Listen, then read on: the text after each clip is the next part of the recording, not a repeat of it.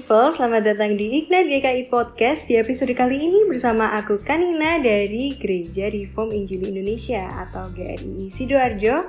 Kali ini tema kita cukup menarik nih ya Karena uh, bikin penasaran. Padahal tema ini tuh penting diketahui Tapi entah kenapa kalau diobrolin jadi hal yang tabu Uh, kita bakal bahas tentang sex education. Sekarang sudah bersama Kak Alvin dari tabu.id. Halo Kak Alvin, gimana kabarnya? Halo Kak Nina, baik, baik. Thank you banget loh udah diundang di acara podcast Ignat GKI. Nah, uh, mungkin Kak Alvin bisa perkenalkan diri nih biar bisa Ignite People jadi kenal siapa ini Kak Alvin. Oke, okay, uh, halo Ignite People, perkenalkan, nama aku Alvin Theodorus Aku merupakan salah satu co-founder dari Tabu.id. Kalau masuk gereja, aku dari GKI Kepaduri. Dan lalu kesibukannya selain mengurus tabu, juga aku menjadi salah satu konsultan pendidikan di bidang psikolog di salah satu platform on online learning, mirip ruang guru. Keren ya. Kalau nih, tadi aku udah ngestok Instagramnya tabu.id. Kalian semua Ignite People harus juga cek nih Instagramnya keren banget banyak informasi-informasi yang cukup tabu tapi dibahas juga ya di sana hmm. ya. Sesuai namanya kan ya, tabu.id. iya, sesuai namanya. Apalagi followersnya udah lebih dari 100k. Keren banget sih. Bisa ceritain nggak awal terbentuknya tabu.id ini gimana? Kok bisa sih tiba-tiba pilih konten yang mungkin agak sensitif untuk dibicarakan? Kayak uh, konten edukasi kesehatan seksual seperti ini gimana sih awal terbentuknya?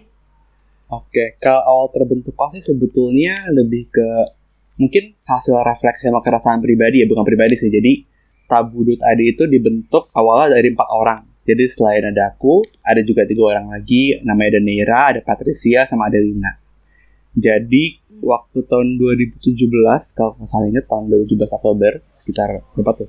4 tahun lalu ya, hampir 4 tahun lalu uh, kita berempat kami berempat itu ikut sebuah lomba inovasi kesehatan di mana kami diminta untuk membuat sebuah program yang bisa memecahkan masalah kesehatan di Indonesia gitu.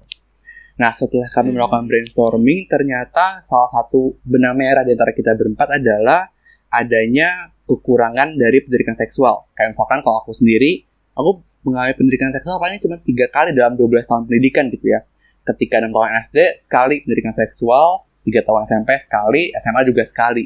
Dan biasanya sekali itu pun uh, cuma dilakukan dalam satu hari dan dipepetin juga sama misalkan uh, kayak seminar tentang nafza gitu ya.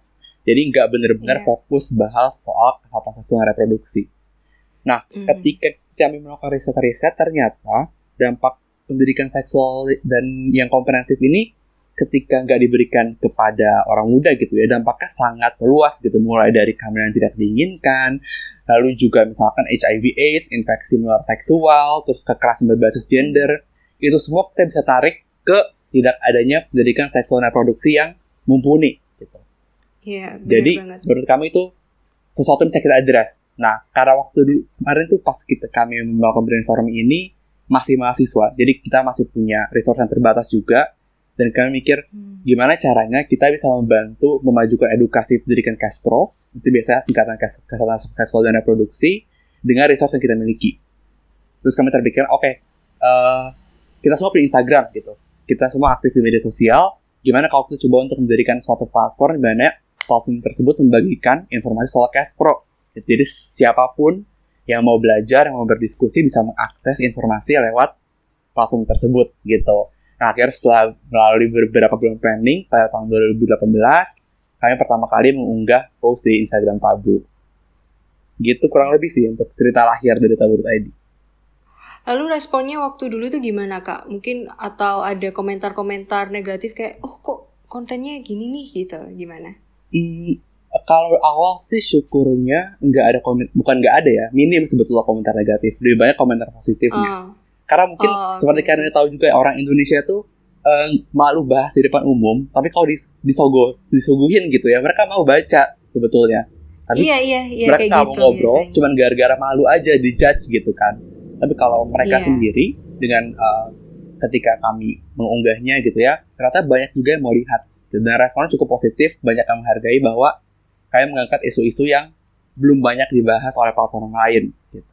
Hmm, karena sebenarnya kayak kita itu penasaran, tapi untuk mulai bertanya, bahkan hmm. hanya bertanya aja kayak ada rasa malu banget gak sih kayak, aduh Betul. kok malah nanti ya, takutnya. Bener banget, karena iya emang iya kan? ya, karena emang budaya di Indonesia gitu ya, budaya Indonesia uh, masih apa ya mentabukan dan stigmatisasi aspek-aspek manusia yang berhubungan seksualitas gitu hmm. dianggapnya sesuatu yang jorok gitu dan harus disembunyikan gitu padahal iya, kan sesuatu itu, yang nakal gitu loh iya kayak, betul uh, kan padahal itu kan nanti takutnya dijudge anak nakal nih kayak gitu iya padahal itu kan sebenarnya aspek utuh aspek dari manusia ya manusia ya kalau iya. ada aspek seksualitasnya kalau kita mendinai aspek hmm. itu berarti kita mendinai diri kita sebagai manusia gitu kan mm -hmm. Nah, kalau uh, dampak dari si tabu.id ini, menurut kakak sejauh ini gimana uh, dampak ke anak-anak muda? So far kayak respon mereka, kalau apa so ada kayak uh, peningkatan ke pengetahuan tentang oh ternyata hmm. kayak gini ya, kayak gitu, gimana? kalau untuk data kualitatif memang sayangnya dari tadi belum ada ya jadi kami nggak bisa bilang oh. kalau ada peningkatan kualitatif tapi kalau kita lihat secara kualitatif misalkan dari komentar-komentarnya dari DM DM yang masuk uh, bisa diambil kesimpulan bahwa dampaknya positif lah seenggaknya kalaupun mungkin uh, masih sulit kalau kita bisa bilang untuk meningkatkan pengetahuan seenggaknya tabur tadi itu kehadirannya sudah bisa cukup untuk memicu diskusi gitu.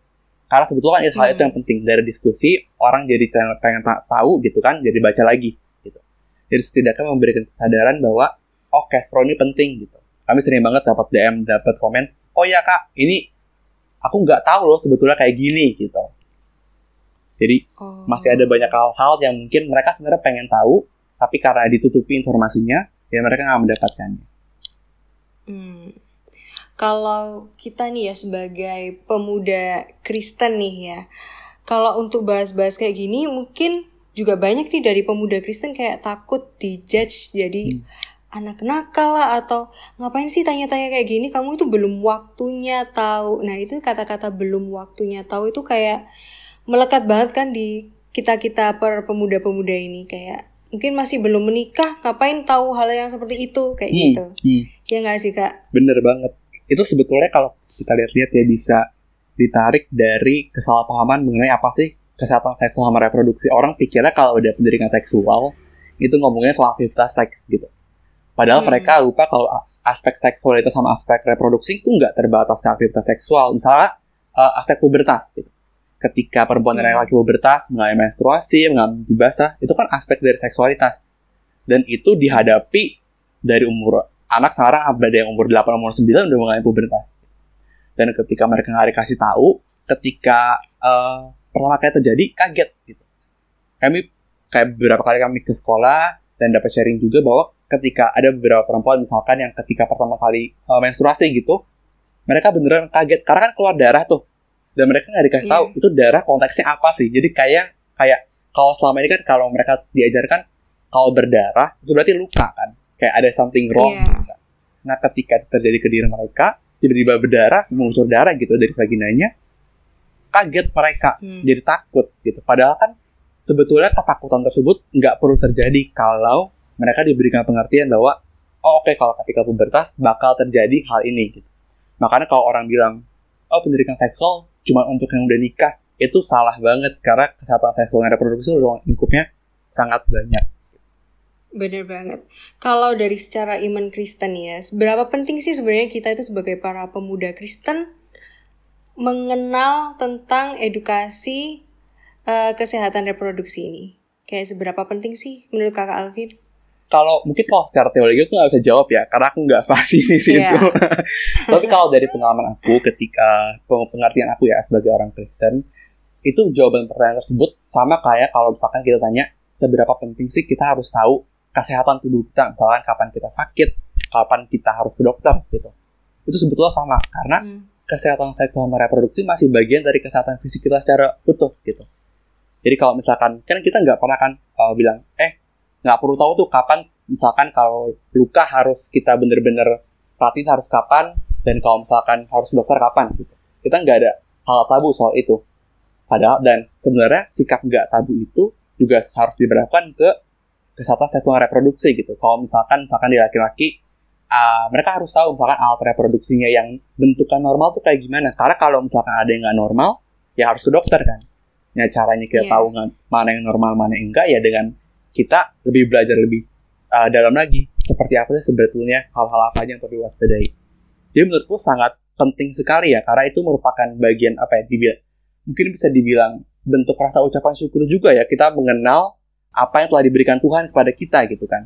Iya, kayak semakin mengenal apa yang Tuhan berikan hmm. ke kita dan menurut aku nih ya kalau misalnya dijudge sebagai anak nakal untuk ketika anak tahu pengen tahu tentang uh, kesehatan reproduksi lalu dicap sebagai anak nakal itu kayak justru hal yang salah nggak sih kak karena justru sebagai uh, pemuda Kristen untuk tahu fakta-fakta tentang kesehatan reproduksi itu kita malah semakin tahu gimana kita harus bertindak ya nggak sih kak? Bener, bener banget. Karena kan nah, kalau kita kan. mau memutuskan segala sesuatu kan butuh informasi yang lengkap kan. Kayak kalau kita beli HP yeah. juga, kita harus tahu speknya apa, mereknya apa gitu kan. Ha. Sama juga sama kayak hal ini. Iya, jadi kayak pokoknya ini Ignite People yang mungkin masih agak malu-malu buat tanya-tanya tentang kesehatan reproduksi. Ya mungkin siapa sih kayaknya aku sendiri juga kalau tanya secara langsung juga agak malu ya. Tapi mungkin dengan wadah seperti tabu.id ini kita jadi punya wadah untuk tanya-tanya ini bisa bebas DM gak sih kak? Bebas, bebas DM kok.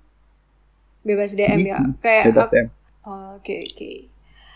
Nah kalau misalnya nih ya kayak yang terjadi sering banget terjadi bahkan ini juga terjadi di aku sendiri ya kalau waktu itu aku itu pernah uh, kepo tentang kesehatan reproduksi itu terus habis itu akhirnya dimarahin kayak kamu itu belum waktunya nih nah itu yang marahin orang tua akhirnya gimana ya kok kita uh, gimana sih respon kita kalau misalnya punya orang tua yang masih belum terlalu aware tentang literasi kesehatan uh, reproduksi ini. Jadi apa sih yang harus kita lakukan? Kayak mungkin kita nggak bisa juga ya nyalain orang tua kayak eh, seharusnya kan gini gini gini. Cuman mungkin kan karena mereka punya perspektif lain tentang hal itu. Gimana sih yang harus kita lakuin?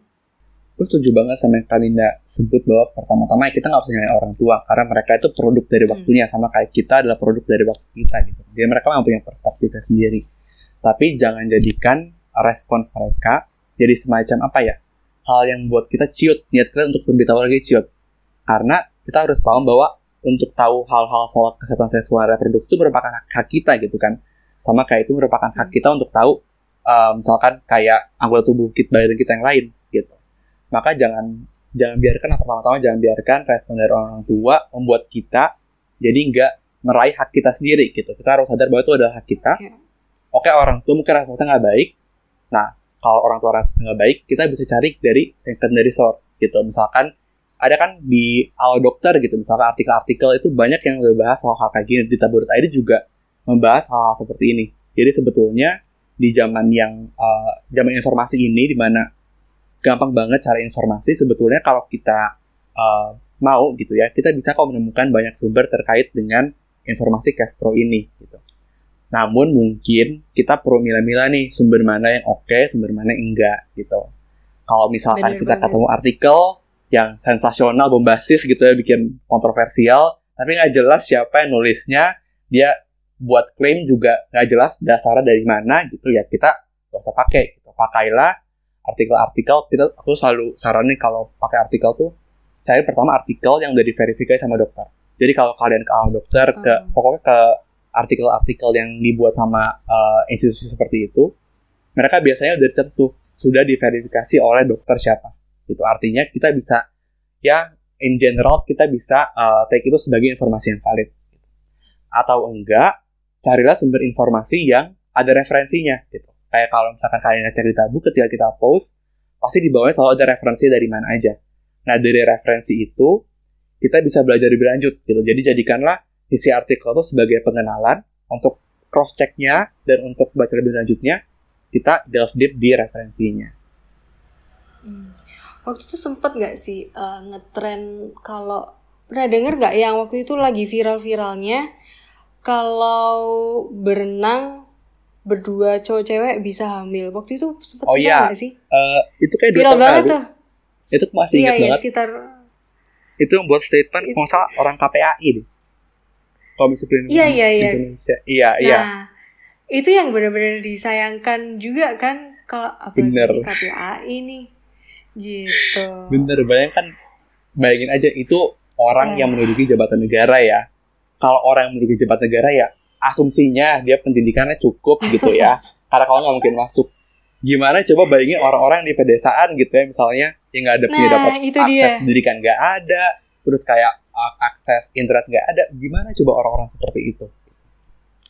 Taunya mungkin juga dari koran atau TV orang-orang yang hanya dapat akses seperti itu malah menelan mentah-mentah kayak gitu Hmm, kan juga bahaya bener. juga kan. Bener, bener, bener, bener banget. Nah, jadi pentingnya untuk bisa dapat sumber yang benar itu memang penting banget ya. Kayak aku itu waktu itu karena hal ini dianggap tabu ya dan aku juga nggak masih belum tahu nih ada yang namanya tabu ID. Aku jadinya taunya hanya dari sekedar temen kayak ngobrol-ngobrol apa itu kan di zaman kuliah tuh ya. Hmm. Kan mulai tuh anak-anaknya udah mulai beragam banyak perspektif-perspektif. Kayak posisi seperti eh, aku dulu tuh kayak gimana ya? Sebenarnya riskan gak sih? Karena juga sumber-sumber yang aku tahu hanya dari temen doang dan itu mungkin juga nggak valid. Mungkin juga teman-teman Ignite People kayak aku ini gak sih teman-teman Ignite People kayak merasa nggak dapet sumber yang benar hanya taunya dari temen itu sebenarnya kalian itu dalam posisi yang riskan gak sih? bener sih itu eh, itu dalam posisi yang riskan. Istilahnya kita kayak gambling gitu ya. Kalau kebetulan dapat temen yang baik yang bener gitu ya ya Nah, kita dapat informasi yang oke yang valid. Tapi kalau misalkan kita kedapatan teman yang juga sama-sama nggak tahu tapi so tahu gitu kan ya maka kita bisa terjerumus ke berbagai hal yang nggak bener lah istilahnya yang membahayakan diri sendiri gitu misalnya kayak waktu itu eh, kita pernah dapat DM ada yang nanya kalau dia dikasih tahu temennya kalau eh, misalnya kalau pakai kondom itu kalau pakai kondom itu dia mm-mm. kalau di double jadi double protectionsnya gitu dikiranya mungkin kayak apa ya kayak ngebungkus barang gitu ya semakin banyak bungkusan kayak kaos asik. kaki ya. iya padahal kenyataannya kalau dua apa jadi lebih mudah robek gitu kan nah itu sebenarnya salah satu contoh Oh gitu aja ya kak. salah satu contoh Oh. aja di mana something yang mungkin kalau secara intuitive sense gitu ya ketika kita pakai akal sehat oh ya eh, masuk akal gitu kalau kondom di double tambah proteksinya padahal sebetulnya karena dia double bisa kayak meningkatkan friksinya jadi lebih gampang robek jadi penting banget untuk Hmm. kita cari sumber yang benar. Karena terkadang ada beberapa hal yang di akal sehat tuh berbeda gitu dengan akal sehat kita. Iya ya. Sebenarnya kayak akal sehat ben- bener-bener aja. Tapi sebenarnya itu nggak bener kayak gitu-gitu tuh yang Hmm, informasi yang kayak gitu tuh kayak susah tuh kita dapat hanya dari teman ya kan. benar. Betul sekali. Nah, jadi teman-teman harus eh, kita nih Ignite People harus bener-bener dapat nih sumber yang terpercaya seperti tabu.id ini. Kayak coba deh kalian ngeliatin Instagramnya tuh kayak menarik-menarik gitu loh apa yang konten-konten yang mungkin kita nggak pernah dengar sebelumnya. Jadinya tahu deh. Ya sih kak. betul betul Tapi target audiens dari tabu.id ini apa hanya pemuda aja? Mungkin apakah ini bisa sebenarnya juga cocok untuk eh, or- audiens yang sudah menikah atau gimana? kalau officially sih ya, target utama kita itu memang orang muda. Jadi kalau official range-nya itu dari 18 sampai 24 tahun. Ini target utama kami. Cuman memang semakin ke belakang, ketika kita lihat statusnya di Instagram gitu ya, muncul kayak semacam demografi baru di mana usianya 25 sampai 35 tahun. Di mana kita asumsi itu orang-orang yang udah berkeluarga lah. Kalau di Indonesia kan usia-usia nikah tuh Iya. 25 sampai 35. Jadi bisa banget dipakai. Jadi walaupun, walaupun mungkin target utama Dabu itu orang muda, cuman informasi yang disampaikan bisa banget dipakai oleh orang yang mungkin lebih muda gitu ya, masih remaja itu bisa. Kalau- Ataupun misalkan yang udah berkeluarga itu malah bisa tambah bukan tambah bisa ya, tambah penting lagi gitu untuk mereka tahu sebenarnya informasi kayak gitu karena mereka Iya. udah melakukan gitu, melakukan aktivitas seksual dalam bentuk keluarga. Hmm. Jadi lebih tahu resiko-resiko berbagai resiko, resiko seperti itu kan nggak bisa. Apalagi Bener, udah menikah bener. nih ya. Bener. Kalau harapan kakak nih, eh, harapan kakak dengan mengunggah konten-konten seperti ini, kakak kan juga sebagai influencer lah istilahnya ya. Harapannya apa nih? Oke, kalau harapannya sih ya dari tabu sebetulnya pertama uh, konten-konten yang kita yang pastinya konten-konten yang kita berikan itu benar-benar mendidik gitu ya. Yang kedua adalah supaya kita sama-sama semakin sadar gitu, semakin belajar lagi bahwa kesehatan seksual reproduksi bukan sesuatu yang tabu untuk dibicarakan, nggak harus malu-malu gitu. Sehingga ini harapan benernya, harapan besarnya sih di mana kita nanti hidup di dalam sebuah masyarakat ya di mana bukan cuma terdidik, bukan cuma pintar soal cash pro, tapi juga mau bisa berdiskusi secara terbuka gitu soal cash pro ini. Hmm. Sehingga kalau ada yang salah, ya kita bisa langsung bilang, eh itu nggak benar gitu. Oke oke.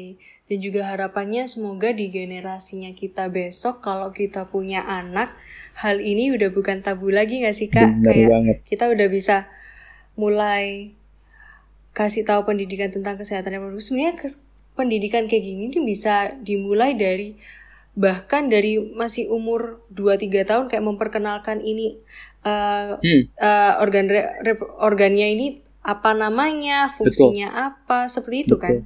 Itu penting banget sih sebetulnya kayak penamaan organ itu. Banyak orang yang kayak Mm-mm. ah apa sih kayak cuma nama doang. Padahal sebetulnya banyak di mana kasus-kasus ya terjadi kasus kekerasan seksual terhadap anak, tapi Iya. itu nggak bisa masuk ke pengadilan karena si anak nggak tahu dia disentuhnya tuh di mana gitu.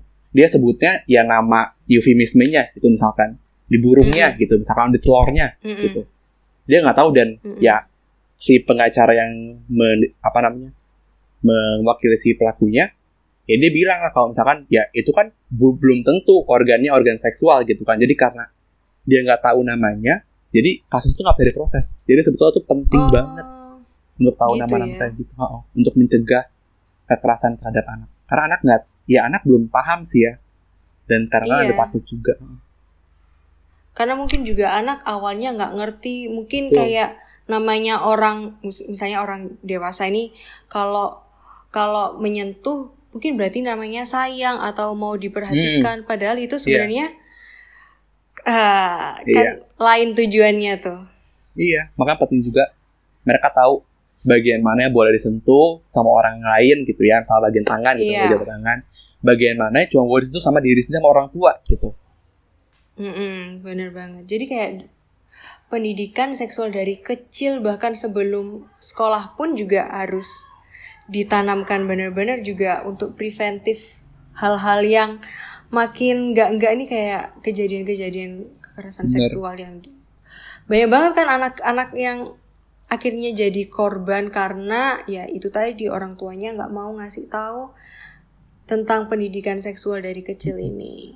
Mereka melihatnya kalau anak nggak dikasih tahu ya mereka nggak bakal cari tahu sendiri gitu kan. Ya padahal namanya Iya. anak, kalau mereka mau tahu, ini kalau karena udah sempat kerja sama anak gitu ya, kan mereka kayak rasa Hmm. ingin tahunya kayak sangat tinggi sekali kan. Apa-apa ditanyain, apa-apa ditanyain. Kalau kita membentengi ya, Iya. mereka minta akhirnya hari sendiri nggak tahu dapat informasi dari mana kan Ah, jadi kayak penting banget nih Ignite People kayak kita ini pemuda Kristen sudah jangan menganggap hal ini itu sebagai hal yang tabu. Karena kalau semakin kita tahu sebenarnya kita makin bisa memproteksi diri kita. Kayak jangan anggap diri kita nakal tapi justru sebenarnya itu malah makin menjaga kita dari hal-hal yang buruk yang bisa terjadi. Ya nggak sih kak? bener banget. Nah, mungkin ada yang mau disampaikan nih pada Ignite People semua, kayak eh, eh, mungkin masukan-masukan bagi Ignite People yang mungkin masih takut-takut nih tentang membahas tentang eh, sex education ini atau mungkin menyampaikan penting banget nih untuk kalian ketahui gitu. Ya, ada mungkin untuk- pesan-pesan apa mungkin? People kalau misalkan dari kalian masih ada yang merasa malu nggak apa-apa aku pun masih proses untuk apa melepaskan diri dari stigmanya itu proses berproses nggak apa-apa nggak ada orang yang dari awalnya malu terus tiba-tiba besoknya jadi nggak malu nggak apa-apa yang penting kita mulai dulu aja kita mulai untuk cari tahu satu langkah satu langkah per hari gitu kan ya jadi sedikit-sedikit orang jadi bukit yang penting kita ada kemauan dan kesadaran untuk belajar lebih terkait dengan kesehatan seksual reproduksi ini. Oke, terima kasih Kak Alvin sudah menemani kita di episode kali ini. Thank you juga Kanina, senang banget bisa ngobrol-ngobrol di sini. Oke, terima kasih para Ignite People yang sudah mendengarkan podcast kita kali ini. Jangan lupa kalau Ignite GKI juga punya website www.ignitegki.com dan juga punya YouTube channel namanya Ignite GKI dan juga Discord. Bye Ignite People, Tuhan Yesus memberkati.